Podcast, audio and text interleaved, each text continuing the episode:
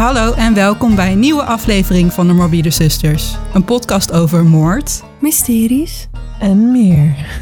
Ik ben Evelien Ik ben Kelly. En ik ben Tessa. en samen zijn wij de Morbide Zusters. Sorry. Ik word opeens intens aangestaard. Nou, eh, vandaag gaan we het hebben over een van mijn favoriete boeken. Soms zijn er van die boeken die zoveel indruk op je maken en je echt bijblijven. Nou, voor mij was dat een boek dat ik van mijn opa heb gekregen.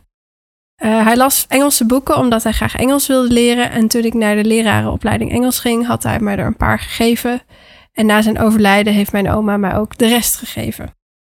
Wat ik zo goed vond aan dit boek was de interessante schrijfstijl en het gevoel dat na het lezen bleef hangen. Grappig genoeg is dit boek ook een van de favoriete boeken van de stagebegeleider van mijn eindstage. Maar wat maakt dit boek nou de aanleiding voor een aflevering? Dit boek is voor veel, nou veel, een aantal seriemoordenaars en ontvoerders hun inspiratiebron geweest. Het boek waar we het over gaan hebben is geschreven door John Fowles. Zijn volledige naam is John Robert Fowles en hij is geboren op 31 maart 1926 in Leigh-on-Sea in Essex, Engeland. Na de basisschool ging hij naar een kostschool voor jongens. Hij heeft daarna kort gestudeerd aan de Universiteit van Edinburgh, maar moest daarna in 1945 beginnen aan zijn verplichte dienstplicht. Omdat de Tweede Wereldoorlog eindigde vlak nadat zijn training begon, is hij nooit dicht bij het gevecht gekomen. In 1950 studeerde hij af aan Oxford University met een diploma voor Frans. Tijdens zijn studie kwam hij in aanraking met het werk van filosofen. Hij had vooral bewondering voor Albert Camus en Jean-Paul Sartre. Toen overwoog hij al om schrijver te worden en na een aantal jaren lesgeven in onder andere Frankrijk en Griekenland keerde hij terug naar Engeland om les te geven in Londen. In 1964, na het succes van zijn eerste boek, The Collector, dat ook vlak daarna is verfilmd en genomineerd was voor diverse Oscars, kon hij zich fulltime gaan richten op schrijven. Na een lang ziekbed is hij op 79-jarige leeftijd overleden op 5 november 2005. Het controversiële boek dat ik met jullie ga bespreken is het eerste boek dat hij heeft geschreven. Het boek staat op verschillende lijstjes van boeken die inspiratie zijn geweest voor seriemoordenaars en kidnappers. Volgens een bron kwam de inspiratie voor dit boek nadat hij door een nieuwsbericht het verhaal hoorde over een meisje uit Londen dat was ontvoerd en was opgesloten in een schuurtje voor ze wist te ontsnappen. De Collector kwam uit in mei 1963. Op alle uitgaven van het boek die ik ken staan op de voorkant één of meerdere vlinders. Het boek is opgedeeld in drie delen en is geschreven in een interessante stijl, namelijk vanuit twee verschillende perspectieven. Het eerste deel van het verhaal zien we door de ogen van Frederick Clegg, een jonge, eenzame man die bij een bank werkt en in zijn vrije tijd doet hij soms aan fotografie, maar zijn grote passie is vlinders verzamelen. Frederick heeft een treurige jeugd gehad. Zijn vader overleed toen hij pas twee jaar oud was tijdens een auto-ongeluk waarbij hij dronken achter het stuur zat. Het is voor hem onduidelijk of zijn moeder nog leeft, wel weet hij dat zij hem niet lang na het overlijden van zijn vader heeft achtergelaten bij zijn oom Dick, tante Annie en nichtje Mabel. Niemand praat positief over zijn moeder. Zijn oom was als een vaderfiguur voor Frederick. Ze waren niet heel erg close, maar gingen wel vaak samen op pad. Frederick ging dan vlinders vangen, terwijl zijn oom ging vissen. Zijn tante en nichtje vonden zijn hobby maar niets, maar zijn oom liet hem zijn gang gaan. Helaas overleed zijn oom toen Frederick 15 jaar was na een beroerte tijdens het vissen. Verder is Frederick niet echt close met andere mensen. Je zou hem dus een beetje een loner noemen. Al geeft hij dus meerdere keren in het boek aan dat dat voor hem niet erg is. Hij kan niet goed uitleggen waar het precies door komt, maar vanaf de eerste keer dat hij haar ziet, is hij smoorverliefd op de 19-jarige kunststudente Miranda Gray. Voor hem is zij de enige en hij is zich bewust van het feit dat het maar een droom is. Als het niet voor het geld was, was het ook bij een droom gebleven. In zijn dagdromen ontmoeten ze elkaar, doen ze samen dingen die zij leuk vindt, trouwen ze en al die dingen. Echter noemt hij specifiek dat ze geen vieze dingen doen. Nee, daar had hij nooit aan gedacht, tot iets waar hij later zal uitleggen. Dat is grappig, want hij is heel oordelend over andere mannen die vieze gedachten hebben of uh, uitspraken hebben over vrouwen. Ook heeft hij een uitgesproken mening over vulgaire vrouwen. Want zo is zijn Miranda niet. Eigenlijk is Frederick in het algemeen erg oordelend. Want ook over de mannen met wie hij Miranda soms ziet, heeft hij snel zijn mening klaarstaan. Al snel begint hij haar te stalken en aantekeningen te maken in zijn agenda. In het begin weet hij nog erg weinig over haar, waardoor haar soms af te luisteren komt hij steeds meer over haar te weten. Dan terug naar dat geld. Het geld dat alles gaat veranderen. Sinds zijn 21ste doet Frederick elke week mee aan de voetbalpools, oftewel voetbalweddenschappen. Op een dag wint hij meer dan 73.000 pond. Natuurlijk doet hij dan wat iedereen zou doen als je veel geld wint en smoorverliefd bent. Per toeval komt hij het perfecte huis tegen om, uh, met een ruime kelder en koopt het. De beschrijving van het huis luidt: Old cottage, charming, secluded situation, large gardens, one hour away by car from London, two miles from the nearest village. Oftewel, echt al perfect afgelegen. Dan begint hij met plannen. Tijdens het plannen vergelijkt hij zichzelf met een detective of geheim agent. In het begin zegt hij nog vaak dat hij het niet echt gaat doen. Hij doet maar alsof. Toch gaat hij door met zijn vreemde voorbereidingen. Zo laat hij zelfs de telefoon afsluiten in het nieuwe huis. Terwijl ja, voor die tijd was dat juist goed dat je dat kon hebben. Hij heeft geen slechte intenties met Miranda. Dat zegt hij zelf letterlijk. Hij noemt de inrichting van de kelder zelfs gezellig en probeert dingen te kopen waarvan hij denkt dat Miranda er blij mee is. Maar dan moet hij haar nog zien te vangen. Hij vergelijkt het wachten met het vangen van een vlinder. Soms ga je naar een plek waar je weet dat je iets zeldzaams kunt vinden, maar kom je met lege handen thuis. De andere keer ben je niet op zoek en zit er vlak voor je neus een op een bloem. Met een busje dat speciaal is klaargemaakt om haar in te vervoeren, gaat hij naar Londen. Ook heeft hij in zijn jas een speciale zak genaaid voor de doek met chloroform. Wat veel films en series mis hebben, is dat iemand helemaal niet snel bewusteloos is met chloroform. Miranda laat zich niet zomaar meenemen en Frederick overweegt zelfs om van zijn plan af te zien. Als het eenmaal lukt, is hij dolgelukkig. Echter verloopt daarna niet alles volgens plan. Miranda heeft bij aankomst, of tenminste ja, als ze net dus in haar kamer, kelder zit, veel vragen. Frederick probeert deze te ontwijken en geeft haar zelfs een valse naam. Miranda denkt dat het om geld gaat, maar ze komt niet uit een rijke familie.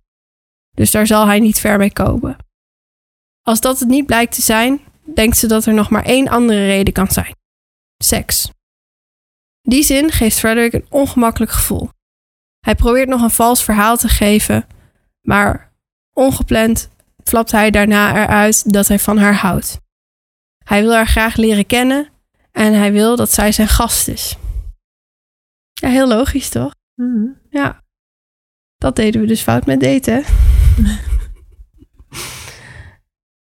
Miranda probeert te onderhandelen over haar vrijlating en zegt dat ze het aan niemand zal vertellen als hij haar nu vrijlaat. Ze kunnen opnieuw beginnen en elkaar gewoon leren kennen. Frederick denkt niet dat ze gewoon vrienden kunnen worden in Londen. Haar vrienden zullen hem uitlachen vanwege zijn opleidingsniveau en sociale klasse.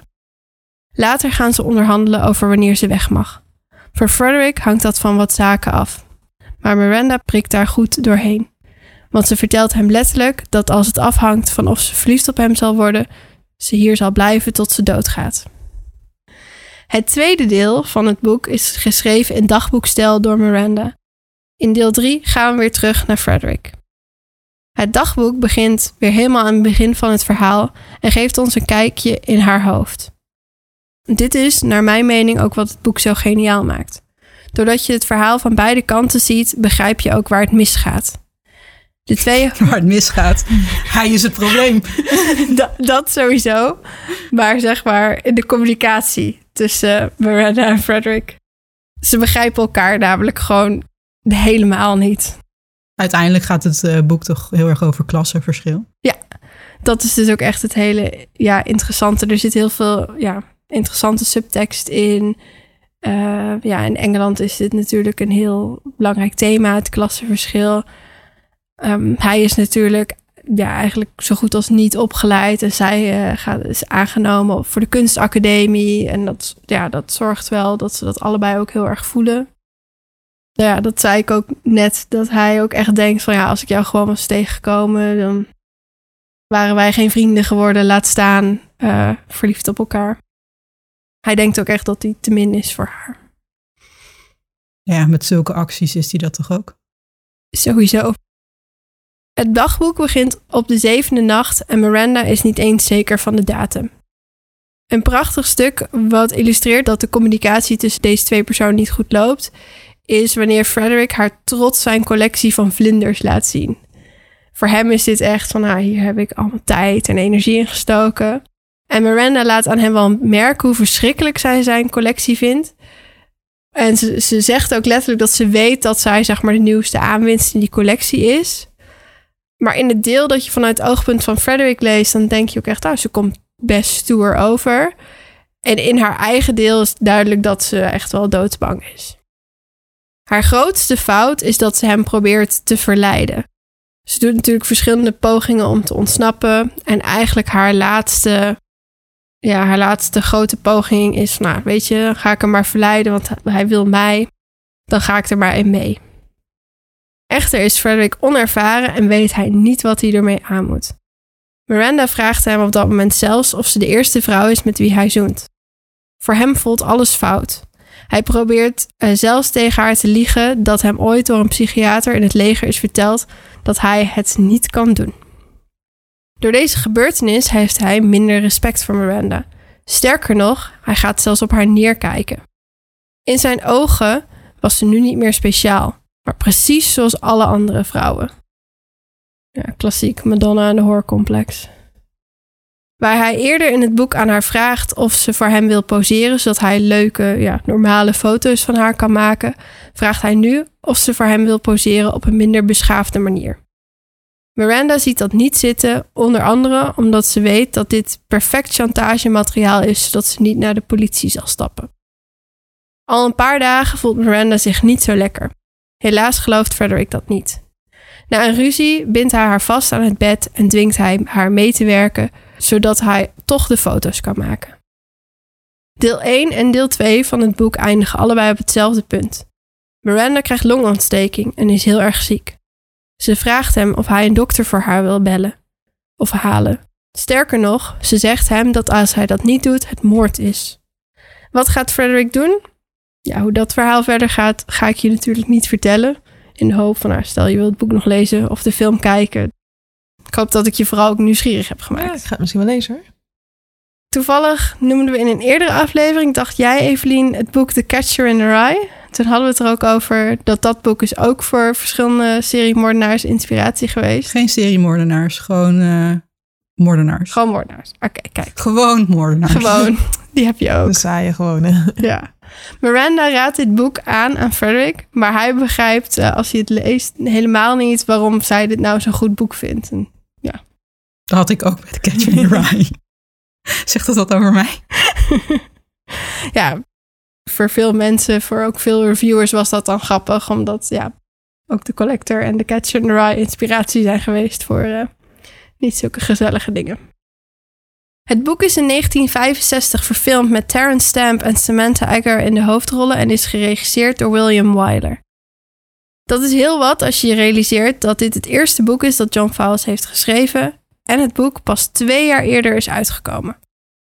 De rol van Miranda was ook aangeboden aan Natalie Wood, ook wel bekend van West Side Story. En een van de taglines van de film is Almost a Love Story. Dat is wel een goede tagline. ik moest er echt om lachen en ik moest altijd denken aan Still a better love story than Twilight. De film is redelijk trouw aan het boek, al gaat het verhaal veel sneller van start. Maar ja, dat is ook logisch als je beseft dat in het boek is hij best wel lang bezig met plannen en nadenken. En in de film, nou voor mijn gevoel, de eerste vijf minuten kidnapt hij al. Maar laat ze in de film dan ook beide perspectieven zien, want dan lijkt me een stuk lastiger. Ja, nee, dat kan dus niet. Hè? Want in een, uh, ja, wat, wat ik zo goed vond aan het boek, dat je eigenlijk in het hoofd van beide personages kon kijken, dat kan helemaal niet in een film. Maar ik was wel verrast uh, hoe goed het toch overkwam in de film. Volgens een van de hoofdrolspelers, Terrence Stamp, mocht, of nou ja, eigenlijk een van de twee die het meest in beeld was, mocht Samantha Egger niet vaak van de set af als ze aan het filmen waren en moest ze alleen zitten tijdens de lunchpauze. Dit allemaal een opdracht van de regisseur. Hij mocht zelfs geen vriendschap met haar beginnen. Dit allemaal om haar natuurlijk beter in de rol te krijgen. Iets wat zeker is gelukt, want haar vertolking van Miranda leverde haar zelfs een nominatie voor een Oscar op. Het is niet de enige nominatie die de film heeft gekregen, maar de film werd overschaduwd bij de Oscars van 1966 door een hele grote bekende film. Toevallig had William Wyler ook het aanbod gekregen om The Sound of Music te regisseren. Oh, godverdamme. maar koos hij voor The Collector. Fair enough. The Collector kreeg in 1966 drie nominaties voor een Oscar, namelijk in de categorieën, ehm, zoals ik eerder zei, die van Best Actress, maar ook een nominatie voor Best Director en Best Adapted Screenplay.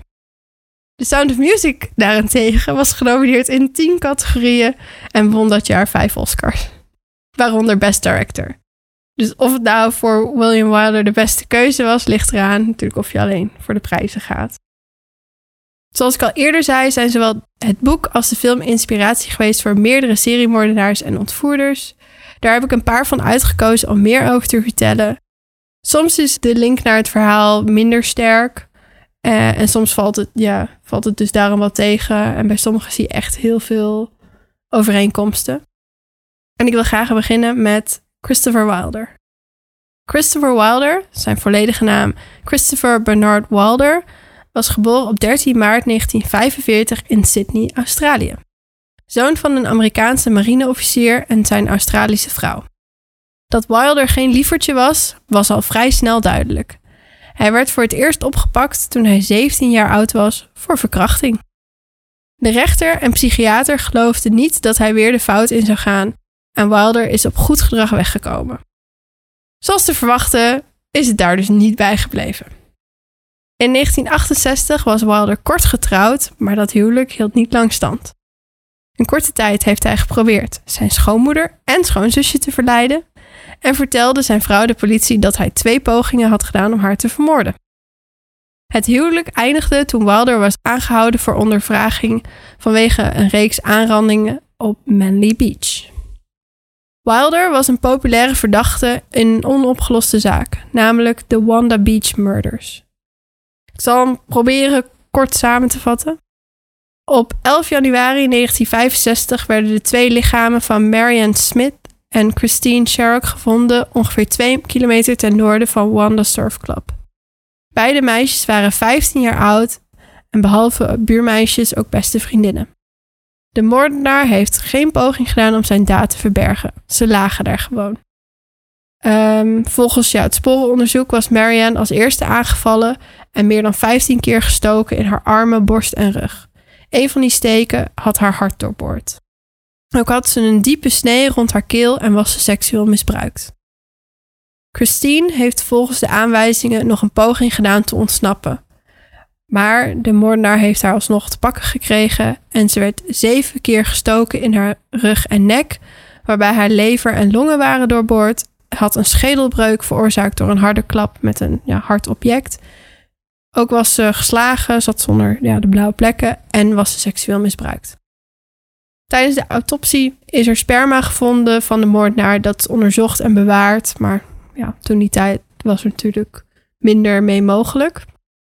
Het was het grootste onderzoek in Australië van die tijd. Meer dan 5000 mensen zijn ondervraagd.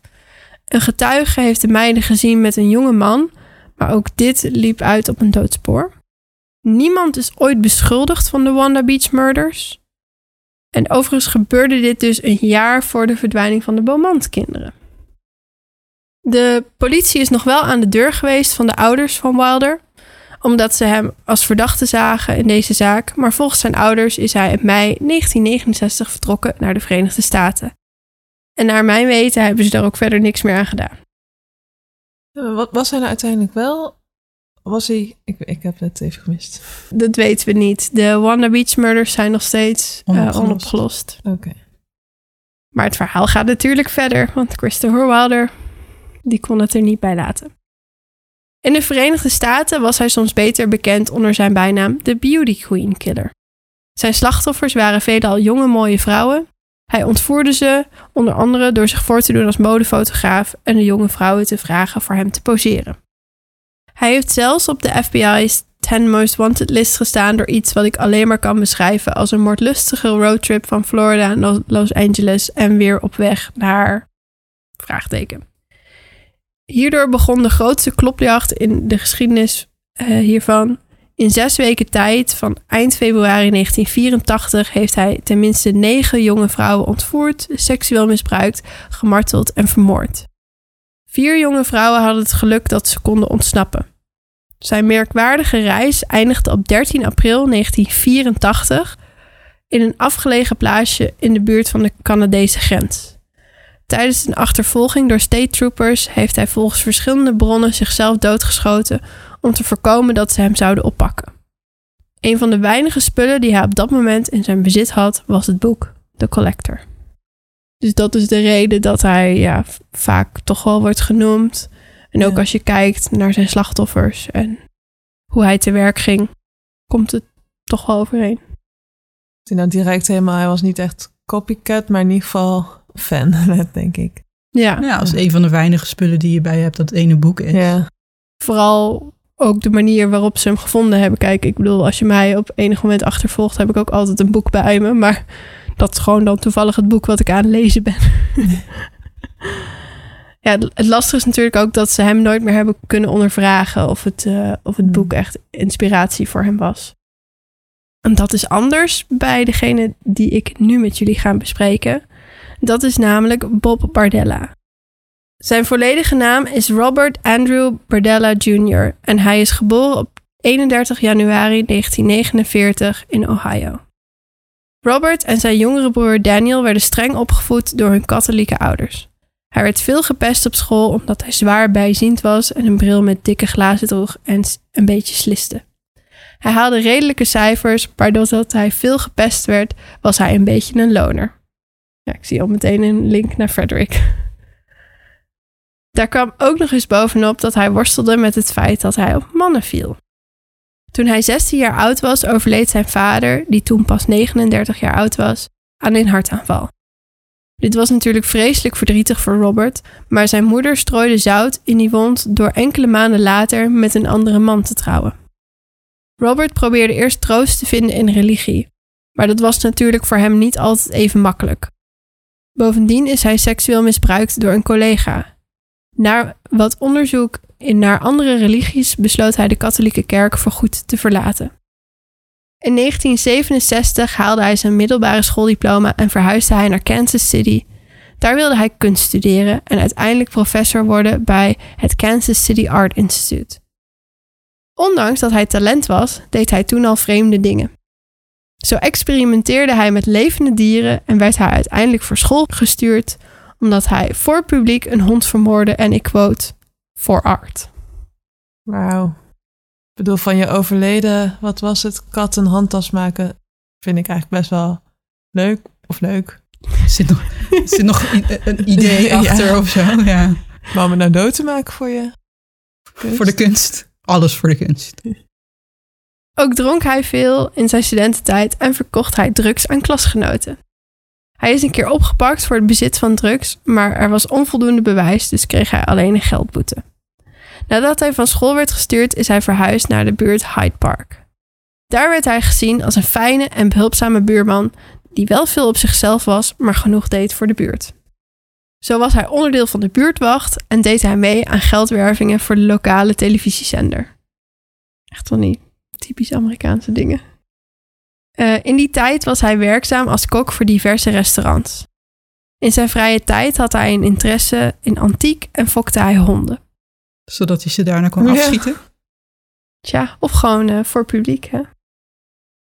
In 1982 huurde hij een kraam aan de Westport Flea Market en noemde hij het Bordella's Bazaar. Bazaar. Zeg dat tien keer achter elkaar. Daar verkocht hij antiek, sieraden en andere snuisterijen. Helaas had Robert ook een duistere kant. Die kant leverde hem namelijk de bijnaam de Kansas City Butcher op en de Collector. Die eerste bijnaam is al interessant, Maar die tweede bijnaam kreeg hij omdat hij na zijn arrest eh, de film uit 1965 als zijn inspiratie noemde. Hij noemde die film letterlijk My Darkest Fantasies Becoming My Reality. Zijn misdaden kwamen aan het licht toen op 2 april 1988 een naakte man met alleen een hondenriem om zijn nek uit het raam op de eerste verdieping sprong in Hyde Park, een wijk in Kansas City. Ja, de wijk waar hij dus woonde. Tenminste, ik ga ervan uit dat het de eerste verdieping is, want de bronnen die ik vond waren Amerikaans. En daar noemen ze wat wij de eerste verdieping noemen de tweede verdieping. Een buurman vond de man op zijn veranda en belde de politie. Chris Bryson heeft het geluk gehad dat hij na vijf dagen vol marteling en seksueel geweld kon ontsnappen. Bij nader onderzoek van het huis ontdekte de politie iets wat alleen maar beschreven kon worden als een martelkelder uit een horrorfilm. In zijn huis vond de politie meer dan 200 Polaroid-foto's en gedetailleerde verslaglegging van de kidnapping, hoe hij zijn slachtoffers drogeerde, martelde en vermoordde. Dit vond allemaal plaats tussen 1984 en 1988. Enkele voorbeelden was bijvoorbeeld welke drugs hij gebruikte. Nou, ik noemde eerder al dat hij honden fokte. Nou, zo kwam hij dus aan diverse kalmeringsmiddelen. Andere details waren bijvoorbeeld hoe hij ze martelde, onder andere door het toedelen van elektrische schokken. Ehm, en zelfs een beschrijving van hoe hij een man leeg liet bloeden. De slachtoffers, tenminste zes jonge mannen, waren meestal sekswerkers en werden vastgebonden en dagen, soms wekenlang gemarteld. Tijdens en na de martelingen werden ze gefotografeerd, soms zelfs terwijl ze al dood waren. Er is één foto waarvan in meerdere bronnen wordt gezegd dat die dus is van iemand die al dood is. De politie vond in het huis diverse martelwerktuigen en een schedel van een mens in een kast op de bovenverdieping. Op 3 april, de dag nadat Bardella was gearresteerd, begint de politie met het uitgraven van de tuin van het huis. Daar vinden ze diverse botfragmenten en nog een schedel. Opeens was de rustige buurt in rep en roer. Ondanks de grote hoeveelheid bewijs die de politie vond in het huis van Bob Bardella, werd hij aanvankelijk alleen van ja, een paar verschillende dingen uh, beschuldigd, maar dus niet van moord. En het duurde best wel lang voordat die beschuldigingen werden aangepast. En dat had te maken met het feit dat van een groot deel van zijn slachtoffers de lichamen nooit zijn gevonden. Het heeft ook bij sommigen even ook geduurd voordat ze het konden identificeren. Zijn misdaden zijn vervolgens weer inspiratie geworden voor anderen. Zo wordt zijn naam genoemd in de aflevering van Criminal Minds. En zijn er liedjes over hem geschreven. Overigens vond ik het dan weer interessant om te lezen dat hij het zelf niet leuk vond dat er liedjes over hem waren geschreven. En dat hij ook niet blij was met de media-aandacht voor zijn misdaden. Oh ja, dat zien we inderdaad wel vaak anders. Uh. Dus ja. toch juist daarom ook, uh, ook doen. Ja, dat vond ik dus heel opvallend. Ja. Hij beschuldigde media van het dehumaniseren van hem en zijn slachtoffers. Hij refereerde naar zichzelf als the neighbor next door who reached a point in his life where he could do monstrous acts. That's not the same thing as being a monster. Ik krijg een klein beetje John Wayne Gacy vibes van hem. Wie was dat ook weer? John Wayne Gacy heeft heel veel uh, jonge jongens uh, vermoord.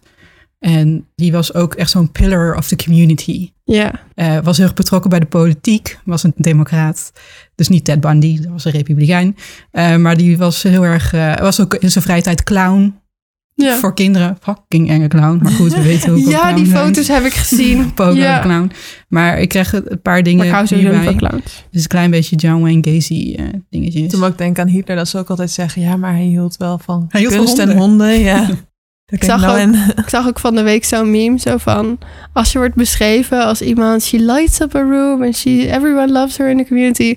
then, then count your days, weet je. Of zoiets kwam er in ieder geval op neer van you're next. Ja, ik zie wel meer vergelijkingen met hem. Ik heb, dat heb ik uiteindelijk niet erin gelaten. Maar in verschillende bronnen wordt hij gezegd... dat hij uh, eigenlijk inderdaad ook iets voor de community wilde doen... en dat hij... Um, contact zocht met de sekswerkers in zijn uh, gebied en ze eigenlijk in huis nam voor ze wilde zorgen ze op het rechte pad wilde krijgen. Ja, dat bleek dus ook niet helemaal waar te zijn.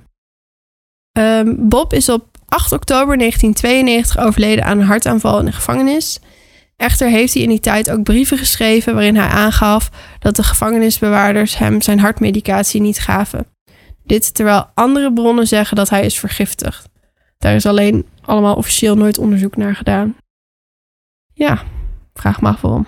Aan de andere kant geef je dan wel een soort een indirecte doodstraf. Als je gewoon geen medicatie geeft. Ja. Nou, dan gaan we door naar de laatste zaak.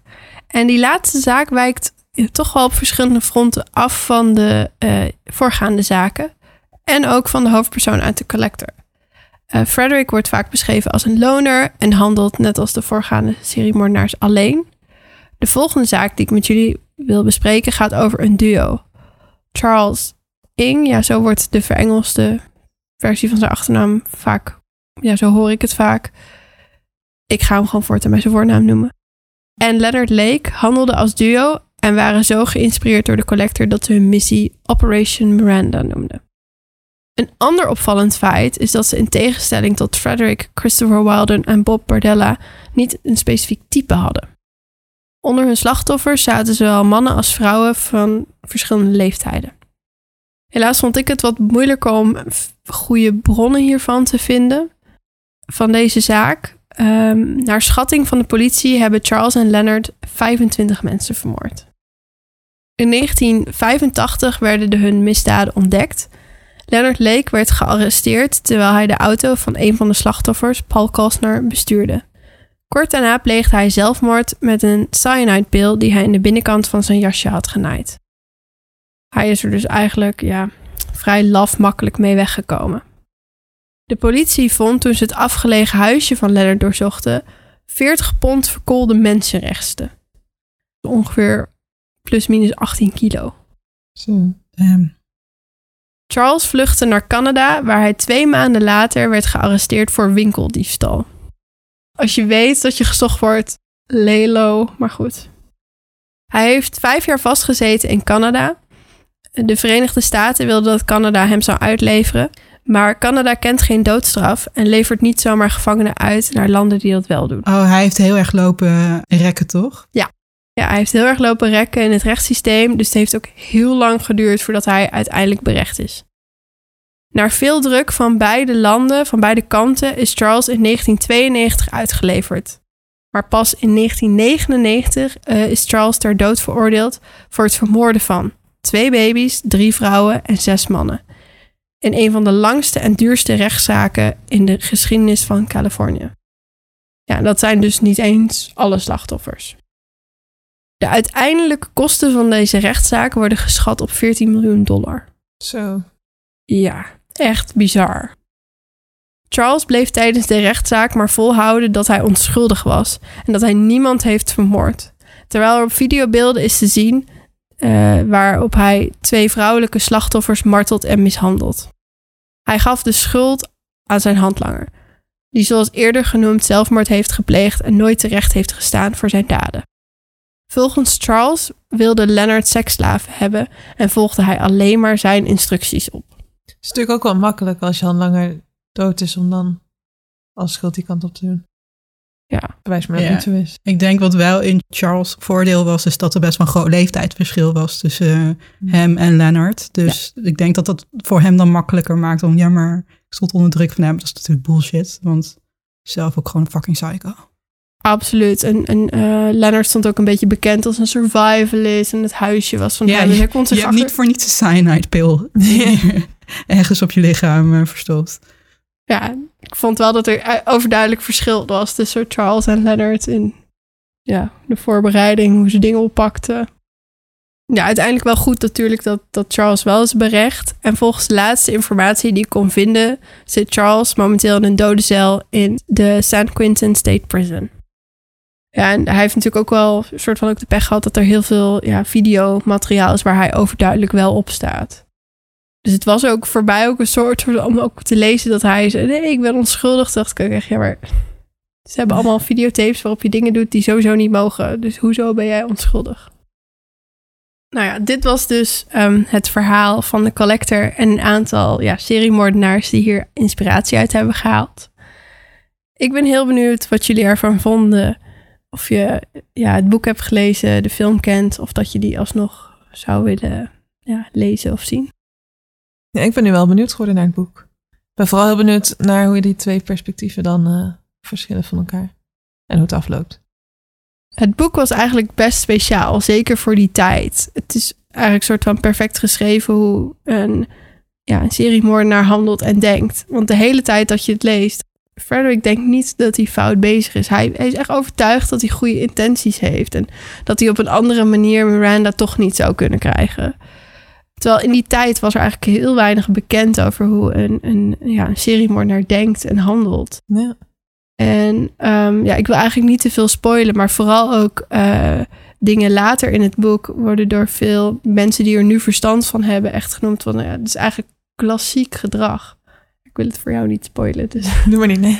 Verder zal ik niks zeggen. Maar het laat wel heel mooi zien hoe boeken toch ook echt wel je kunnen doen laten inleven in andere mensen. Mm -hmm. Dat is misschien af en toe ook gek als het hele slechte mensen zijn. Maar sowieso door gewoon heel veel boeken te lezen, krijg je wel veel meer mee van hoe mensen denken en hoe de wereld in elkaar zit. Ja. Ik vond het een prima boek. Ik zou hem niet snel opnieuw lezen, want ik vond hem wel een beetje.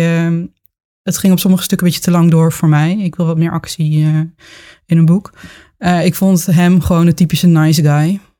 Elke keer dacht ik, ach, je bent fucking incel, vul ik er gewoon op. Maar hij is niet involuntary, hij is bewust dat. Ik vond haar wel heel interessant, want ze had wel echt een vechtlust uh, in haar. Maar ze was ook best wel elitair, maar ook wel weer ergens sympathiek of zo. ik vind het grappig dat je noemt ehm, het feit hoe Frederick tegen seks aankijkt. Want uh, er worden wel dingen gezegd over zijn tante, die dan wat meer met religie heeft. Maar hij noemt zichzelf een non-conformist. Ook als er een priester langskomt, dan uh, ja, is hij best wel onbeleefd tegen hem. Van uh, nou, ga maar weg, ik heb daar toch niks mee. En toch merk je dat soms een beetje in zijn preutsheid of hoe hij daar tegenaan kijkt. Denk je van, is het niet toch een beetje daar de invloed van? Ja, dat ging ik in ieder geval afvragen ben ook wel benieuwd, denken jullie dan dat als dit soort boeken niet zouden worden geschreven, dat dan minder mensen seriemoordenaar worden? Want dat ergens is natuurlijk wel inspiratie, maar ik kan me haast niet voorstellen dat die mensen niet al zo in elkaar zitten of zo. Het is hetzelfde idee toch als we het uh, tijd terug over hebben gehad over films die inspiratie kunnen zijn voor bepaalde acties. Nou ja, als jij bepaalde acties wil doen, dan ga je dat toch wel doen. Tegelijkertijd, als misschien iets als Columbine of zo er niet was, dan had je misschien wel minder dat soort heftige schoolshootings gehad als nu. Maar aan de andere kant zouden ze dan misschien weer andere dingen hebben gedaan. We moeten meteen gaan Scream denken. The movies made me do it. Maar Scream is... Een ja, movie. Ja, die zichzelf niet serieus neemt. Perfect voorbeeld daarvan. Ja. Maar ik denk dat het juist goed is om dit soort boeken te hebben. Denk ook, want ik, ja, ik, mij heeft het heel veel indruk gemaakt, het boek. Ik uh, haal er totaal geen inspiratie uit. Nee? nee, nee. Ik vond, ik vond het vooral interessant, precies wat ik zeg, dat gevoel dat er daarna wel bij bleef. Van, precies wat Evelien ook net zei. Het is niet een boek waarvan ik nou denk, nou, dat wil ik elk jaar opnieuw lezen, omdat het zo leuk is. Maar het is wel heel interessant. Je ik denk ook wel, geen vlinders gaan uh, verzamelen? Nee, heb ik ook helemaal niks mee. Nee, nee. En ik zie mensen ook nog steeds gewoon als mensen en niet. Ja, want Frederick ziet Miranda ook niet als een persoon. Hij ziet haar echt als een, als een fantasie. Hmm. Ik denk dat dat heel mooi overeenkomt met seriemoordenaars. Wat Miranda ook had gedaan, het was er nooit gelukt om, om op, op een ja, nette manier vrij te komen, zeg maar. Want ze heeft nog met hem geprobeerd te onderhandelen, et cetera. Um, ja, eigenlijk die vergelijking met die vlinder is weer heel mooi. Hij ziet haar gewoon als een object om naar te kijken. En zij kan zich toch nooit gedragen zoals hij dat wil. En ik denk dat ja, dat ook goed overeenkomt met de seriemoordenaars. Ja, dat ze misschien zichzelf ook erin herkennen van... hé, hey, zo zie ik andere mensen ook of zo. Ja. Geen idee hoor, maar... Ik denk dat je ook ja, met minder respect naar anderen moet kijken... als je dit soort dingen kunt doen. Ik denk wel dat al hadden ze dit boek niet gelezen, dan bij een aantal van deze was dat sowieso toch wel op een andere manier misgegaan. Ja. In welke jaartallen waren deze serie moordenaars ook weer actief? Waren ze allemaal in de jaren tachtig? Christopher Wilder was, uh, ja, zijn grote killing spree was in 1984. Bordello was uh, 85, 88 of zo. Klopt. In elk geval tot en met 88. Charles en Leonard kwamen, eh, werden in 1985 ontdekt. Dus allemaal die tijd, ja. Het is interessant dat het allemaal in dezelfde tijd ongeveer is. En zijn ze ook allemaal in de jaren 40 geboren op Charles waarschijnlijk na dan? Ik denk het zo uit mijn hoofd zo snel wel, ja. Ja. ja terwijl het is wel echt ook al... Ja, ik wou zeggen, hoe oud waren ze dan toen de film... Eh, die, hoe heet die? die? Christopher Wilder was zo'n 45, toch? En de film Ja. kwam uit 65, dus die was een jaar Die of was 20. 20. Dus die had hem ook wel... Ja, En Berdello was ook een tiener toen de film uitkwam. Dat maakt dan wel indruk. Leonard Lake is ook in 1945 geboren. ja. Dus het, ja, dan toch dat ze dan misschien op een bepaald punt in hun leven daarmee in aanraking zijn eh, gekomen. Ja, dat is interessant. Ja. Maar dat betekent niet per se, dat als ze het boek of film niet hadden gelezen of gezien, dat ze dan geen seriemoordenaar waren geweest. Nee, maar het maakt je wel... Het is wel aan het interessant. denken, ja. Ja, Het zou interessant zijn als ze daar nou een grootschalige studie naar zouden kunnen doen. Alleen het nadeel is dat je dan heel veel seriemoordenaars Ja. kent. En dat is een beetje jammer. Ja, dat ja want, het, want het liefst wil je ze ook gewoon nog allemaal vragen gaan stellen hierover. Maar ja, bij, bij een deel eh, kan dat niet meer. Lijkt me wel interessant hoor, met een seriemoordenaar gewoon zitten en in gesprek gaan. Wel creepy of zo, maar wel, ja, wel fascinerend. Waarom zou je dat eigenlijk willen? Ja, ik gewoon, ik, het is zo'n andere manier van kijken naar mensen en de wereld waar ik niet bij kan, dat ik het juist heel interessant vind. Ik denk waarom we allemaal die seriemoordenaars eh, zo fascinerend vinden. Ja. Ja, en dat had ik dus in het boek. Dat je echt dacht van, oh, zo, hij is zo niet... Hij denkt zo dat wat hij doet normaal en goed is. Ehm, ik merkte dat ik dat soms ook wel... Het, het is niet zo'n boek wat ik in één ruk uit kon lezen. Omdat je af en toe echt gewoon... Ik, ik moest het wegleggen af en toe. Omdat je in zijn hoofd zit en hij is zo overtuigd van zichzelf. Dat vond ik juist heel lastig. Dus het lijkt me wel interessant wat je zegt, maar ook niet. lastig. ja. Lijkt jou dat interessant? Ja, zeker. Maar dit is ook waarom ik eh, Mindhunter een fantastische serie vind.